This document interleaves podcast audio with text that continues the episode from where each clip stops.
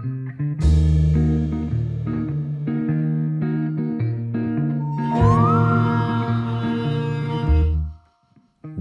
er en historie basert på virkelige hendelser. Hovedpersonen i denne historien er erstattet av skuespillere. Vi har gitt dem nye navn, og all informasjon som kan være med på å identifisere disse, er endret av hensyn til de involverte. Dette er Blod på veggen, en podkastserie i åtte deler fra Avhørt. Del sju.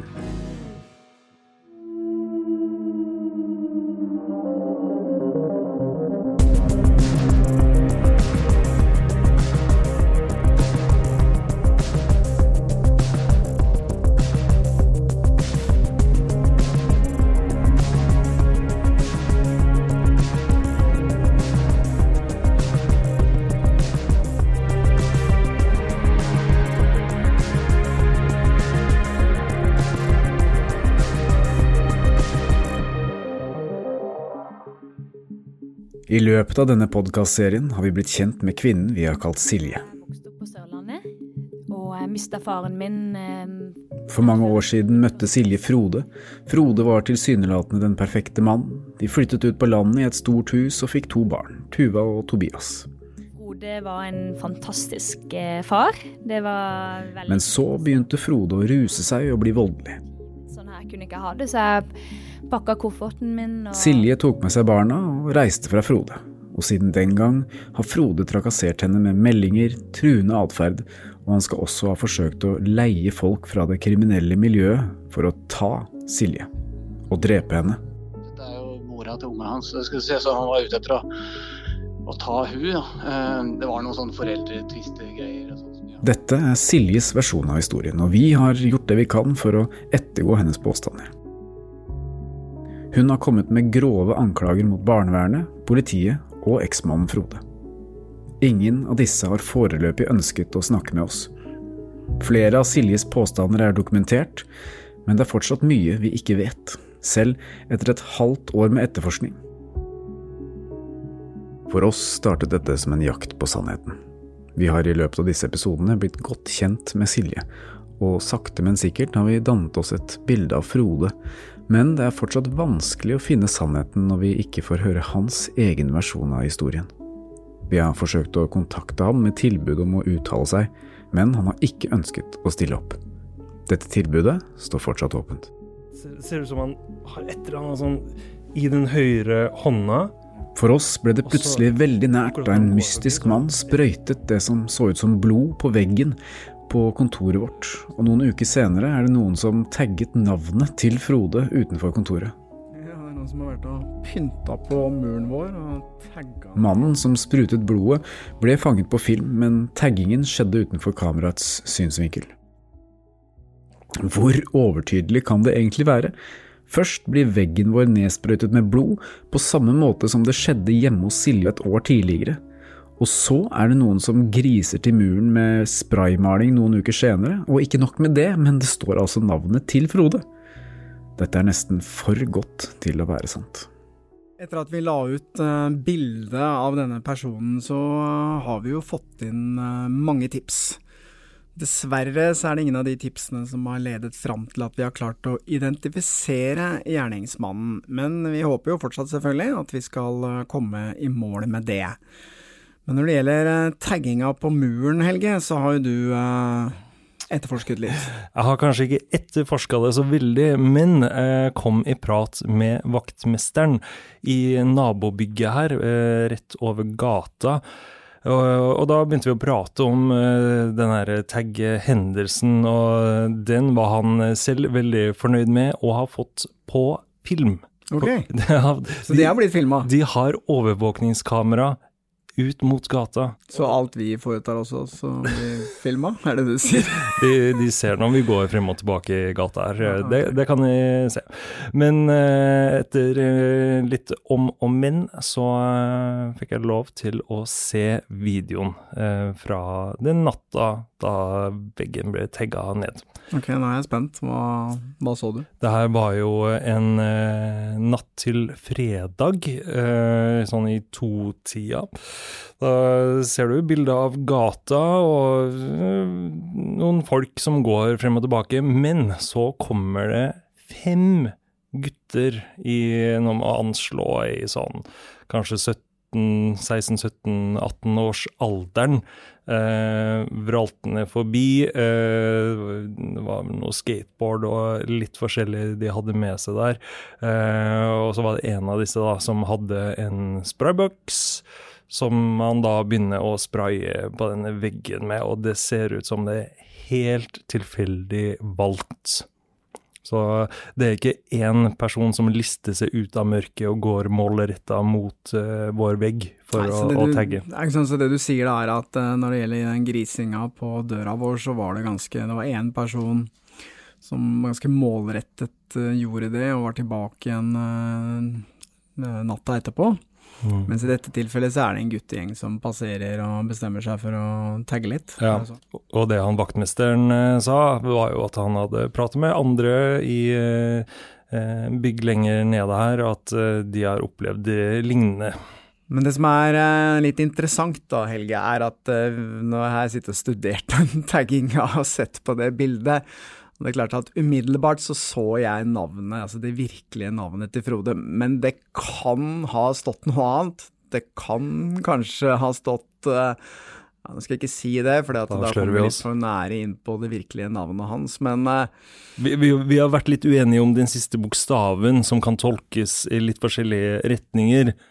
Men eh, helt ærlig så faller jo ned på at det står det ekte navnet til Frode. Ja, Jeg men, var- men jeg- det jeg tenker er at eh, når vi graver oss så dypt ned i en sak som vi har gjort nå i et år, Mm. og det skjer ting absolutt hele tiden, nye ting, så er det kanskje fort gjort at da man blir litt sånn konspiratorisk, at man ser litt spøkelser på høylys dag, at man tenker at det har noe med oss å gjøre. Det trenger nødvendigvis ikke å, å ha noe med oss å gjøre.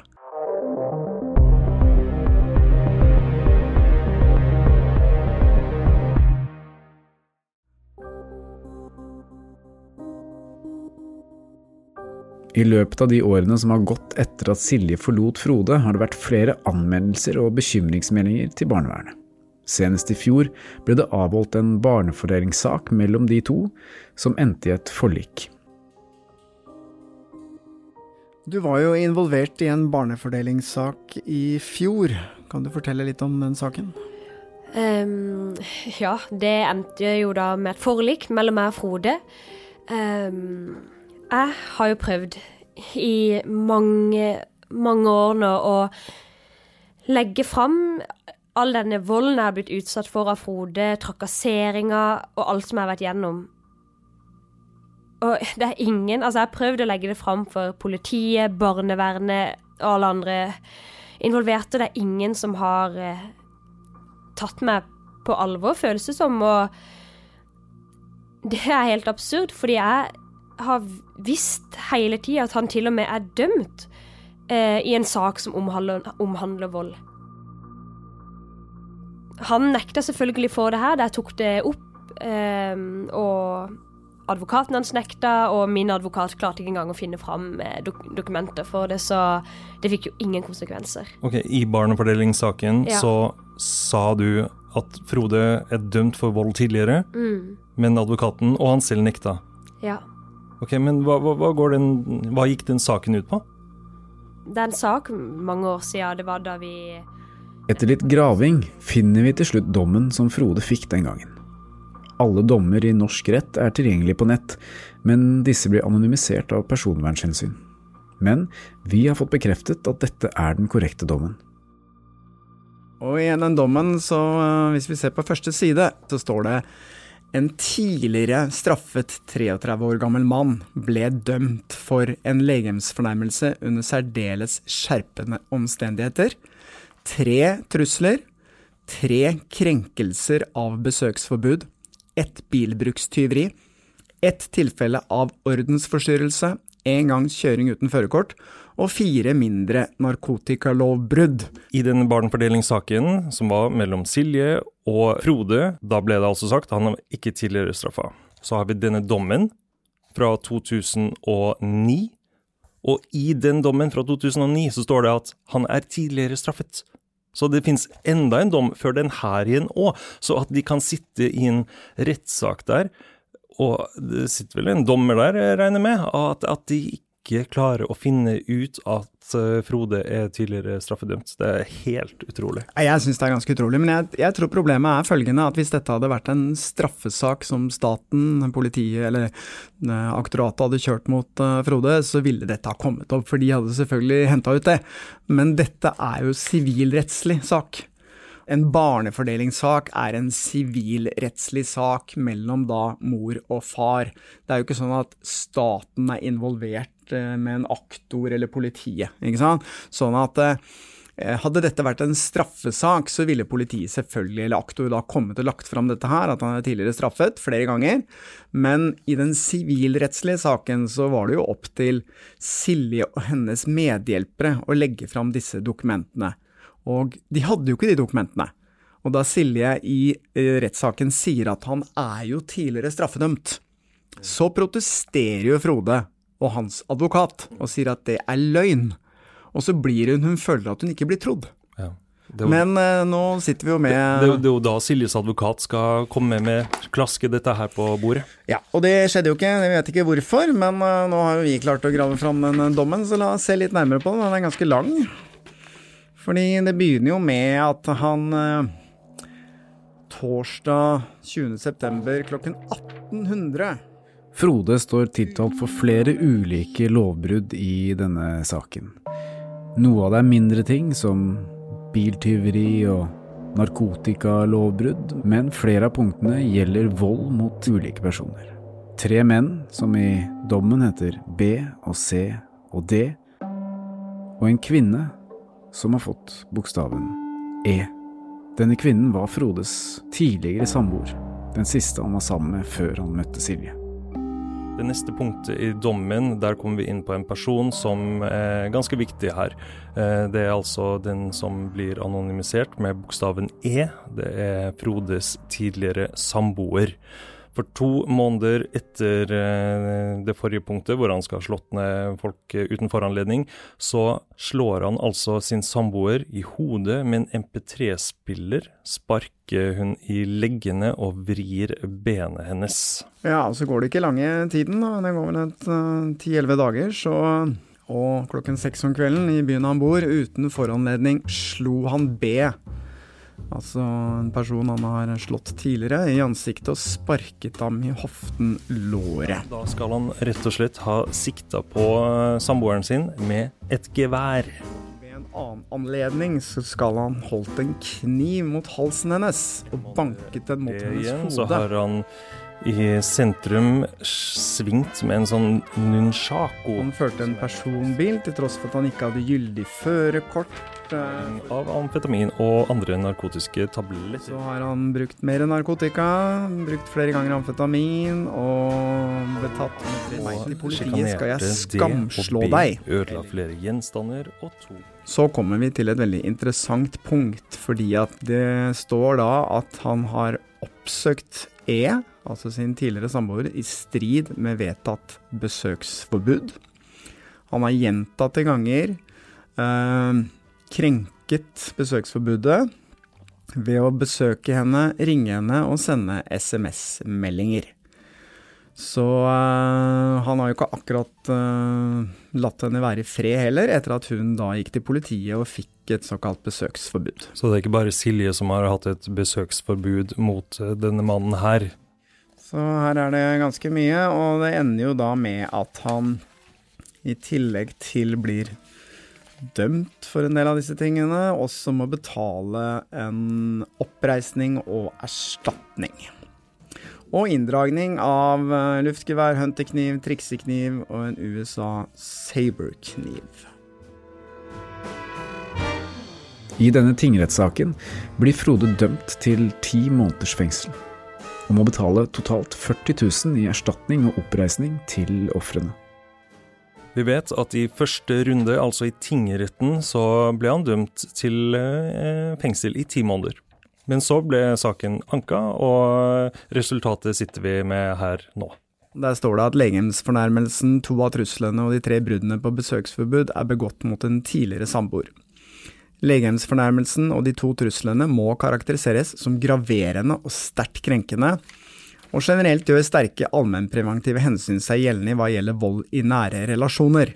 Lagmannsretten er enig med aktor i at forholdene mot tiltaltes tidligere samboer i utgangspunktet tilsier en ubetinget fengselsstraff. Etter dette finner lagmannsretten at straffen passende kan settes til 180 timer samfunnsstraff. Så han ble altså dømt til ti måneder fengsel i tingretten for alle disse lovbruddene, og så blir det anket til lagmannsretten, og så bestemmer de at han skal få 180 timer samfunnsstraff. Det er jo helt utrolig. Kan du gjøre egentlig akkurat hva du vil, da? Han ble frikjent i lagmannsretten for å ha slått ned denne person B ved to anledninger. Mm. Og så ble han frikjent for å, uten foranledning å ha slått eh, D i ansiktet med knytta hånd. Det har han eh, blitt eh, frikjent for da i lagmannsretten. Selv om Frode ble dømt til ti måneders fengsel i tingretten, blir han altså frikjent for flere av disse punktene i ankesaken. Lagmannsretten dømmer ham til 180 timers samfunnsstraff, og han slipper å betale erstatning til to av de fornærmede i saken. Men alle punktene som gjelder person E, hans tidligere samboer, de består. Og så står det til slutt Domfelte var i en god utvikling, og de alvorligste forholdene var begått i en situasjon som nå var tilbakelagt. Så det er åpenbart at fra tingretten til lagmannsretten så har det jo skjedd et eller annet. Ja. Og det vi vet, er at i tingretten, hvor han fikk en ganske streng straff, så hadde han ikke dette karaktervitnet som stilte opp i lagmannsretten og hjalp han der. Og hvem var dette vitnet? Vi leser ut av dommen at hans nye samboer kom inn i eh, ankesaken og ga et positivt vitneprov for eh, Frode. Og det står der at eh, hun forteller i retten at han har lagt narkotika, uh, hva skal jeg si, misbruket bak seg, han har skjerpa seg, de skal flytte ut på landet til en annen kommune, kjøpt hus, og han er innstilt på å å skape seg et nytt liv, og hun er gravid, og det har jo åpenbart uh, retten lagt vekt på. Mm. Høres dette kjent ut? Dette karaktervitnet som hjalp Frode i ankesaken, det var Silje. Ifølge noen andre som var til stede i denne rettssaken, skal Silje nærmest ha bedt på sine knær for Frode fra vitneboksen. Men dette er ikke noe Silje har fortalt oss om tidligere. I sitt intervju med oss har Silje fortalt oss at hun visste at Frode hadde en fortid med småkriminalitet, men basert på det vi nå vet om denne saken, er det tydelig at hun visste mer enn hva hun fortalte oss den gang. Det var jo omtrent et år, eh, ja, halvannet år kanskje, ja, etter at vi var blitt sammen. Og eh, jeg ble da kalt inn som vitne og skjønte liksom ingenting. Um, jeg husker at jeg bare ja, tenkte at ja, nå skal jeg være karaktervitne for Frode, og skulle bare fortelle litt om hvem han var og, og sånn. Og um, ja, og, og for, for, meg så var jo han en fantastisk mann. Vi hadde jo kjøpt oss hus, og uh, vi skulle jo flytte ut på landet, og Eh, jeg var jo blitt gravid, ehm, og ja, så jo fram til framtida og denne her lille familien som eh, ja, vi skulle være, da. Um, og jeg visste jo at han hadde en fortid med litt sånn småkriminalitet uh, og sånt, men uh, jeg, altså, jeg tenkte at det jeg tenkte, jeg bare ja, tenkte at han var ferdig med det, og at det hørte liksom fortida til, da. Så, så var det jo rettssak da, og jeg, jeg ja, ante ikke hva han var tiltalt for i det hele tatt. Så jeg gikk egentlig bare inn der og fortalte hvordan Frode var, og eh, ja, bare sa sånn at han hadde lagt rusen og kriminaliteten bak seg, og ja, at jeg var gravid, og ikke sant, nå skulle vi bygge et liv sammen, og ja. Um, og så var det jo mange år seinere at jeg skjønte eh, liksom hva denne her saken egentlig handla om, og hva som var sannheten. Og det var jo ikke sånn at jeg fikk lese dommen han fikk den gangen. Jeg, jeg, fikk bare, altså jeg visste bare at han fikk samfunnsstraff, og det var det jeg visste. Um, ja. Uh, ja, og det som har blitt fortalt nå, da, er jo Eller som jeg har skjønt og, ja, nå i ettertid, er jo at han fikk samfunnsstraff på grunn av mitt vitnemål. Eh, og hvis ikke det hadde vært for meg, eh, og de tinga som, ja, positive tinga som jeg hadde sagt om han, så hadde han fått fengsel. Um, jeg har jo skjønt nå at han manipulerte meg, og um, hvis jeg hadde visst sannheten, så hadde jeg jo sikkert ja, ordlagt meg annerledes, og han hadde kanskje havna i fengsel, eh, og livet mitt ville vært helt, helt annerledes i dag. Uh, og hans forrige samboer, uh, hun ble jo aldri god igjen etter de skadene som hun fikk pga. Frode. Og han hadde jo Ja, det visste jo ikke jeg da, men han hadde jo besøksforbud mot henne. Selv etter at han var sammen med meg. Og jeg ante ingenting. Og noe av det verste syns jeg jo er at han hadde jo ingen penger den gangen, og jeg hadde jo arva alle de her pengene. Og da ble det sånn da at jeg betalte voldsoffererstatninga til hun her jenta, da, eller til eksen hans. Sånn at jeg betalte for de skadene som han hadde påført en annen jente, eh, ja, altså for livet. Eh, og jeg var jo 20 år den gangen, og han var i 30-åra, og jeg, jeg, visste ikke bedre. Jeg selvfølgelig skammer jeg meg mye for det nå. Det er derfor jeg ikke har fortalt, fortalt det før nå, da. Silje forteller videre at hun har forsøkt å få Frodes tidligere samboer, som han skal ha skadet for livet, til å snakke, men at hun ikke vil si noe i frykt for hva konsekvensene vil bli for henne.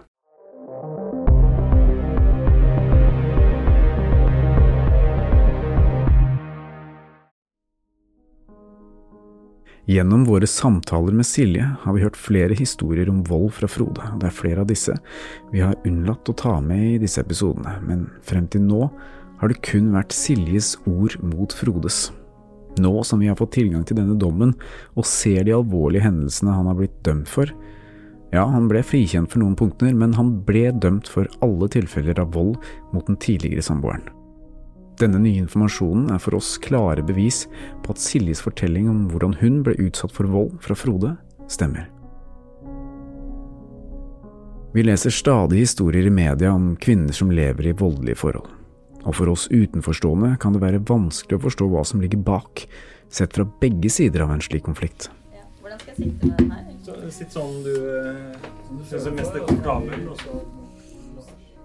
Vi har møtt psykologspesialist Lisa Nordsveen, som har lang erfaring med vold i nære relasjoner. Vi håper at hun kan hjelpe oss å forstå litt mer av hva som skjedde mellom Silje og Frode. Nordsveen har fått en kort innføring i saken, men uttaler seg kun på generelt grunnlag. Vi er jo litt undrende til at uh, mor i dette Hun var jo ung, hun var jo ikke mer enn 20 år, han var vel 35. Ja. Uh, hun går inn i et forhold med han, og, uh, og så uh, sier han at ok, det er en rettssak, men det er bare noen bagateller. Mm. Og så kommer hun i, i rettssaken og får jo nærmest sjokk av alle disse grove anklagene og tiltalepunktene, da. Ja. Men likevel bestemmer seg for å være et karaktervitne og fortelle hvor fantastisk han er, og hjelper han da til å slippe unna fengselsstraff, da, altså få samfunnsstraff i, i tillegg. Er det liksom Hvordan kan det skje? Jeg forstår det ikke.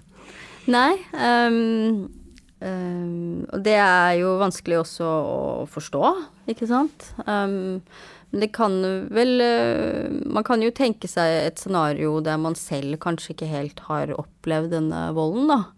Eh, og i tillegg hvis man har utviklet en sterk binding til et annet menneske, altså sterke følelser, eller er i en, en, en sårbar posisjon. Hvis jeg skjønte riktig, så, så var hun gravid, Mm, eller? stemmer det. Mm. Ja, og når en kvinne er gravid, så vil jeg si at man er kanskje på et av de mest sårbare tidspunktene i livet, hvor man kanskje er veldig avhengig av å ha trygge og stabile relasjoner rundt seg, og, og at barnefar er pålitelig, og at barnefar er en mann som, som man kan lene seg på, da.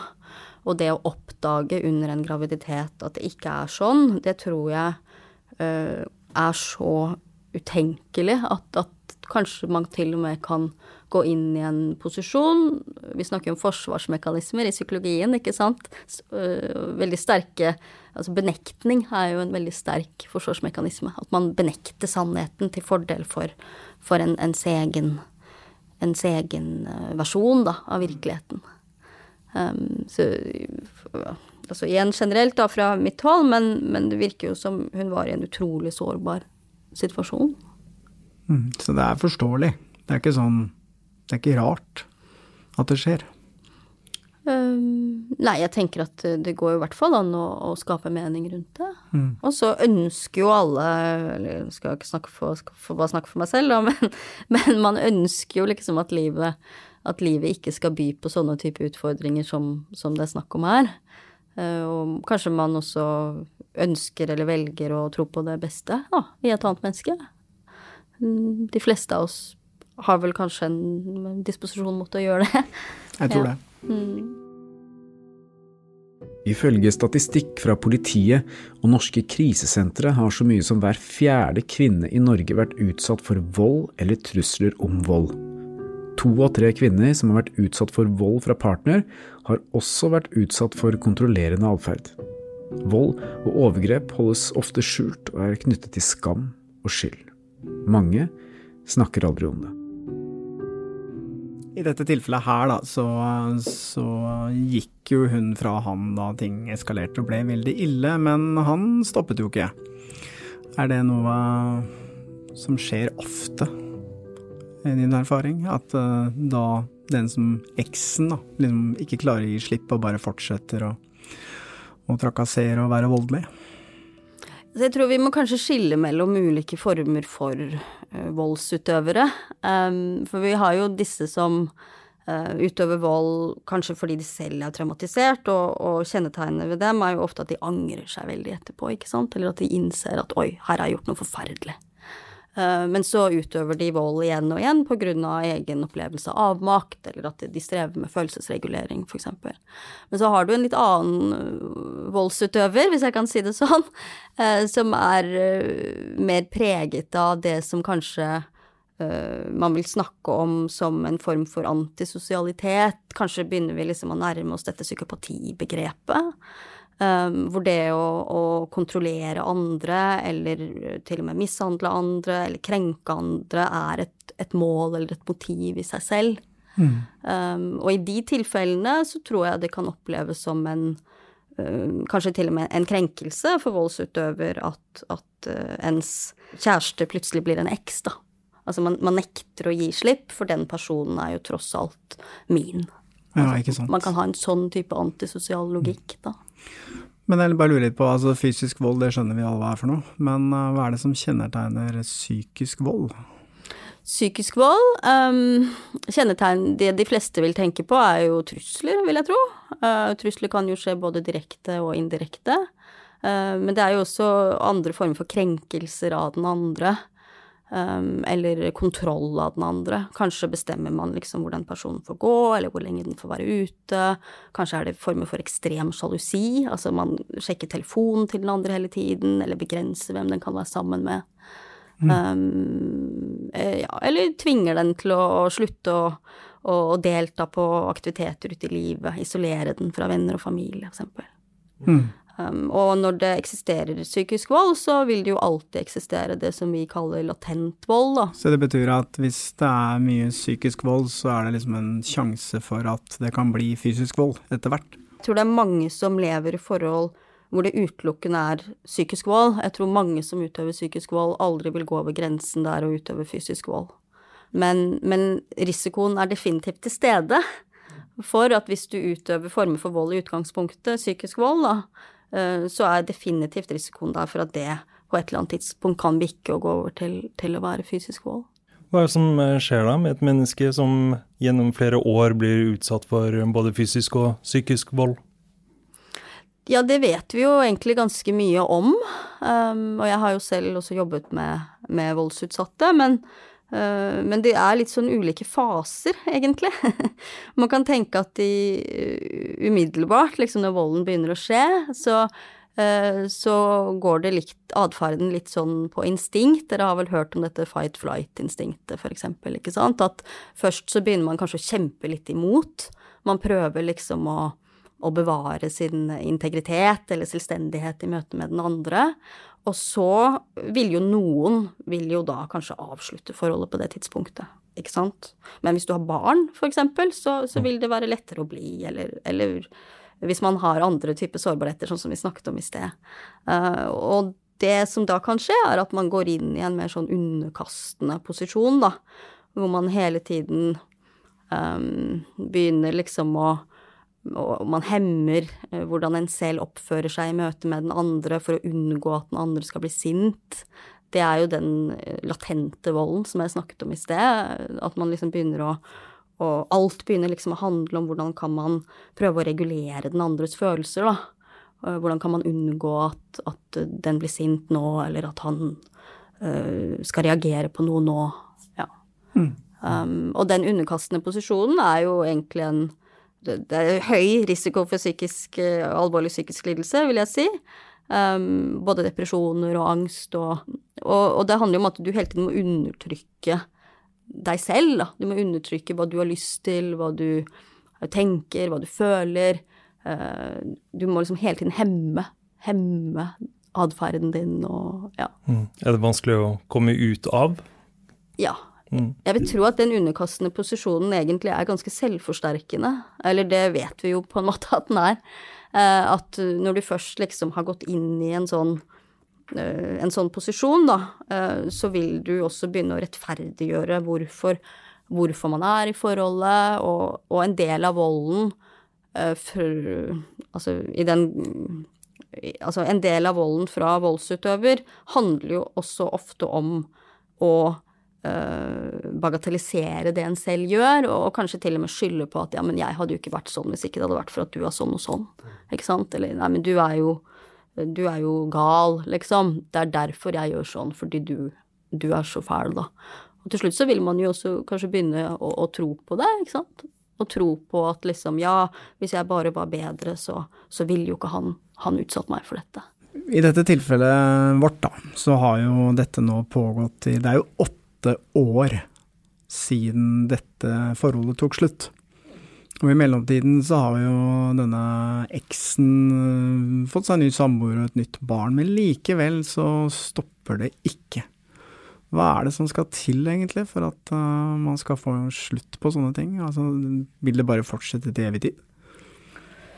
Um, altså hvis det er uh, snakk om pågående trakassering av et annet menneske, da, eh, så tror jeg nettopp at det er derfor man har staten, ikke sant, som har et voldsmonopol, fordi at det er enkelte som um, som ikke har et godt nok innebygd etisk og moralsk kompass, da, som, som trenger et sterkt ytre eh, kompass for å, å, greie å navigere atferden. Så, så, jeg tror nok at for enkelte så, så vil det være liksom politiet som, som, vil måtte til for å, å begrense sånn type atferd.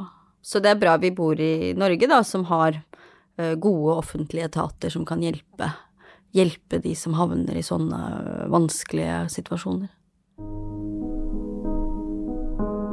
Ja, har vi det? Vi har tidligere gjort forsøk på å få barnevernet i tale i forbindelse med denne saken, men de har ikke ønsket å delta. Men etter hvert som vi graver i denne saken, dukker det stadig opp nye opplysninger vedrørende barnevernets arbeid som vi mener er mistenkelig. Nei, alt dette startet jo eh, da Silje første gang sendte en bekymringsmelding til barnevernet om Frodes narkotikamisbruk. Og etter det så har det jo vært mye kontakt med barnevernet, og det er mange ting der vi undres litt over. F.eks. hvordan de oppførte seg påskeaften da de kom, hvor Frode åpenbart var ruset og sa at alt var greit, at de ikke tok rustest av ham. Uh, og så virker det litt på meg som om de i etterkant av dette har uh, mer eller mindre rettet oppmerksomheten sin mer mot Silje mm. enn mot Frode. Det, det, er ganske mye rart som har skjedd, egentlig. Vi, vi har lest rapporter fra barnevernet hvor de har vært på hjemmebesøk hos Silje, hvor de reagerer på ting som at det skal ha vært for ryddig i huset til Silje reagert på at uh, hennes uh, to barn hadde på seg like kjoler, og at uh, Silje ikke skulle sett barnas behov fordi at hun hadde for mye fokus på ett barn, og det var nok til at barnevernet konkluderte med at hun overså det andre barnet. Og Det som er litt sånn merkelig da, er jo at når de er så oppmerksomme på henne, så er de ikke fullt så opptatt av hva Frode driver her. Da er det jo sendt bekymringsmeldinger fra skolen om vold mot barna, og eh, ruskjøring er han tatt for. Men der er de litt mer sånn tilgivende og bortforklarer det med at, uh, at det er ikke så farlig. Jeg vil jo tro at Eller jeg, jeg synes jo at de tingene som han blir anklaget for, er jo vesentlig verre enn at du har like kjoler og gir den ene barnet litt for mye oppmerksomhet, eller at det er for reint i huset, syns du ikke det? Rapportene som omhandler Frode, slutter gjerne med at eh, men vi ser en positiv endring, han har lov til å skjerpe seg, han har sagt seg villig til å gå tilgivelig rustest, ikke sant, sånn at eh, de, de, de, konkluderer med at dette skal nok gå bra.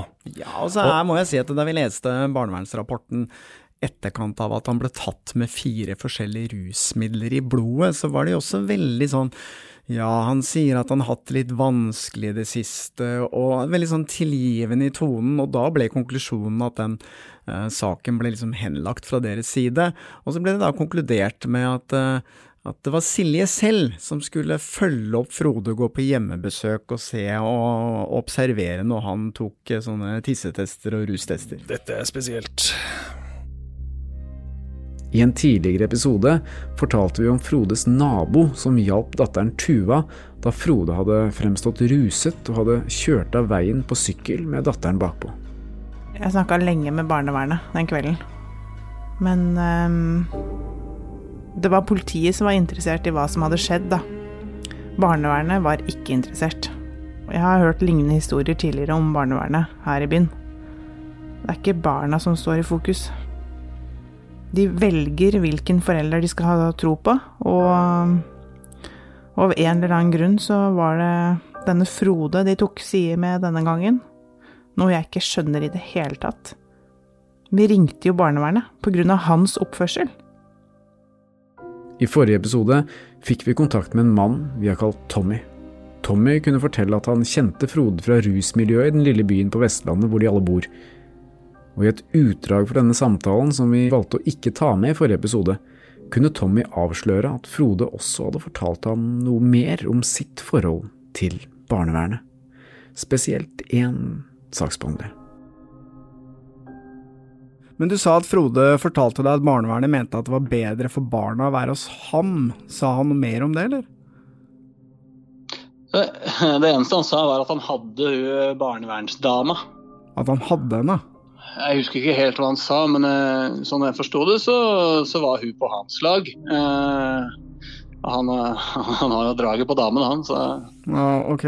Uh, kan du si noe mer om det, eller? Hun blir helt våt i musa når hun ser meg sånn. Nei, så jeg, så jeg vet ikke. Kanskje de, kanskje de har et forhold, da. Men ok, Du sier at det er mulig at Frode har et forhold til en av de ansatte i barnevernet. Det er det du mener med det her nå, ikke sant? Nei, det, jeg veit ikke det, altså. Men eh, det var i hvert fall det, hvert fall det han sa. En annen anonym kilde som vi ikke kan avsløre i denne podkasten, har fortalt at den ene navngitte saksbehandleren i barnevernet skal ha kommet hjem til Frode på kveldstid alene. Kan dette være den samme kvinnen som Tommy snakker om her? Her kan vi bare spekulere. Vi bør jo se litt på hvem denne barnevernsansatte som skal ha dratt hjem til Frode, hvem er hun egentlig? Og uh, vi ser jo på Facebook at uh, det er jo en tilsynelatende helt vanlig jente i uh, ja, midten av 20-åra i et forhold. Og har ikke jobba så veldig lenge i barnevernet. Hun har jobba der et års tid på det stedet her. Men vi vet jo ingenting om hennes historikk før hun begynte å jobbe i barnevernet. Nei, Det vet vi jo selvfølgelig ikke, men vi har jo nå hørt da påstander om at hun muligens har et eller annet upassende forhold til eh, Frode. I tillegg til det så har vi jo hørt at Frode har to søstre som har tilknytning til barnevernet. Mm. Men jeg tenker tiden er inne nå for at vi eh, Tidligere har vi stilt barnevernet generelle spørsmål om saken, men nå som dette begynner å tilspisse seg mot én spesiell saksbehandler, så mener vi at det er på tide å stille henne noen konkrete spørsmål om hennes arbeid og hennes forhold til Frode. Vi kjenner navnet til denne saksbehandleren, og mailadressen hennes er tilgjengelig på kommunens nettsider, så vi tar direkte kontakt. Har du på noe som helst tidspunkt hatt et forhold til Frode utover din rolle som saksbehandler i barnevernet? Var det riktig avgjørelse å ikke utføre rustest på Frode påskeaften og la barna bli hos far til tross for hendelsen den kvelden? Hvor lenge har du kjent Frode? Stemmer det at en eller flere av søstrene til Frode har tilknytning til barnevernstjenesten? I så fall har en eller flere av dem vært involvert i saken. Siste, har dere noen gang dokumentert at Silje har vært voldelig mot sine barn? Så da mm. sender jeg av gårde den, yep. så får vi se om vi får noe svar. Kort tid etter at vi sendte e-posten til saksbehandleren i barnevernet, fikk Stein Morten svar fra barnevernstjenesten i den aktuelle byen. Kvinnen, som ifølge det spekulative ryktet vi har hørt skal ha et upassende forhold til Frode, sendte henvendelsen videre til sin sjef, som svarte. Det vises til spørsmål til barnevernstjenesten vedrørende podkast. For å utgi opplysninger er tjenesten avhengig av samtykke fullmakt fra de aktuelle partene. Det bes om at dette fremlegges før eventuelt opplysninger kan utgis. Barnevernstjenesten har en plikt til å ivareta barnas personvern og rettssikkerhet og deres rett til medvirkning. Dette innebærer også deres rett til å uttale seg og være kjent med hvem som har opplysninger om dem. For øvrig vil det presiseres at saksbehandlere ansatt i barnevernstjenesten har en profesjonell rolle til alle aktuelle parter i ulike saker. Oi, og dit, oi, oi, oi, oi. Det, det er interessant. Les den siste en gang til. For øvrig vil det presiseres at saksbehandlere ansatt i barnevernstjenesten har en profesjonell rolle til alle aktuelle parter i ulike saker. Det hadde jeg aldri turt å si, eh, ikke engang her på kontoret, at alle ansatte her er profesjonelle i enhver sammenheng. Hvem er det som sier det? Kan at du tør å ta sjansen ja, ja, ja. på å si noe sånt? Det ville være veldig kjedelig for henne hvis det viser seg at det ikke stemmer. Har fullstendig kontroll over alt eh, våre ansatte bedriver. Den er spesiell. Men eh, hun vil jo ikke svare her, vi må jo sende noen eh, nye spørsmål. Hva om du formulerer noe mer generelle greier som hun må svare på? På generelt grunnlag ønsker vi svar på følgende spørsmål er det vanlig at barnevernet pålegger aksepterer at mor skal gå på hjemmebesøk og tilse at rusprøver blir avlagt korrekt etter at far er tatt for bilkjøring med ulike rusmidler i blodet. Det er jo generelt. Mm -hmm. Er det normal prosedyre at ansatte i barnevernet alene på kveldstid besøker en av partene i en pågående sak? Er det akseptabelt at en ansatt i barnevernet sender inn Selv om vi mener at vi formulerte generelle spørsmål i denne e-posten, fikk vi kort tid etter et nytt svar hvor de informerer om at de ikke kan utgi opplysninger uten at det foreligger samtykke fra alle parter, altså i dette tilfellet Silje og Frode. De legger også til at de mener at spørsmålene ikke er generelle nok om barnevernets arbeid. Hm. Vi i Avhørt får ofte inn henvendelser fra lyttere som ønsker hjelp angående saker som omhandler barnevernet. Og vi har hørt flere historier om fortvilte foreldre som føler de kjemper en håpløs kamp mot et system som favoriserer og gjemmer seg bak taushetsplikt. Du kommer ikke til å høre alle disse historiene i vår podkast, men hvis det vi har lært i arbeidet med Silje sin sak er en indikasjon på virkeligheten, mener vi at det er urovekkende.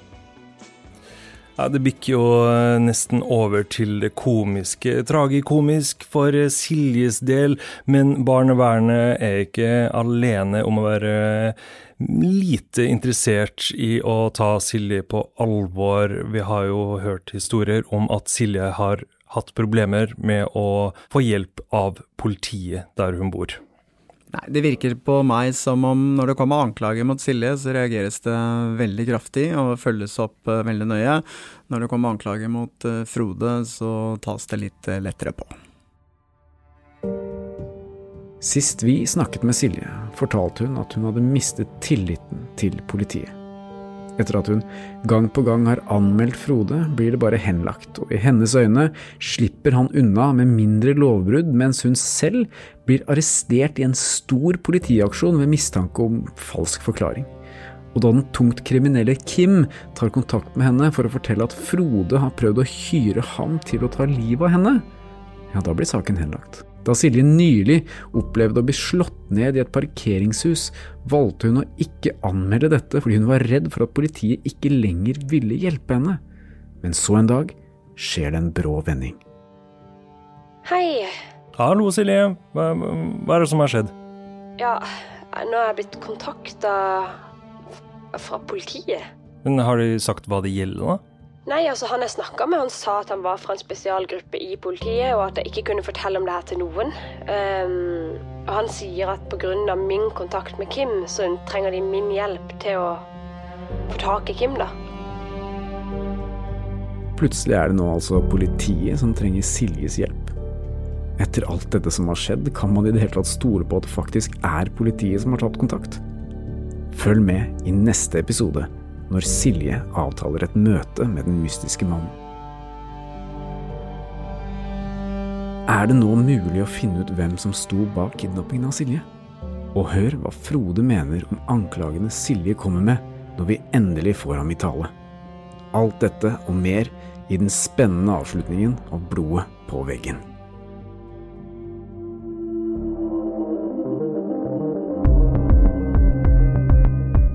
Avhørt er produsert av Batong Media. Redaksjonen vår består av Stein Morten Lier, Helge Molberg, Marius Søvik Bergersen og meg selv, produsent Lars Christian Nygårdstrand. Temamusikken til Avhørt er laget av Altered States, og du finner oss på Facebook og Instagram. Hvis du vil høre eksklusive serier fra Avhørt, ett og et halvt år før alle andre, finner du disse på Podme. Gå inn på podme.no eller last ned Podme-appen. Ansvarlig redaktør i Batong Media er Stein Morten Lier.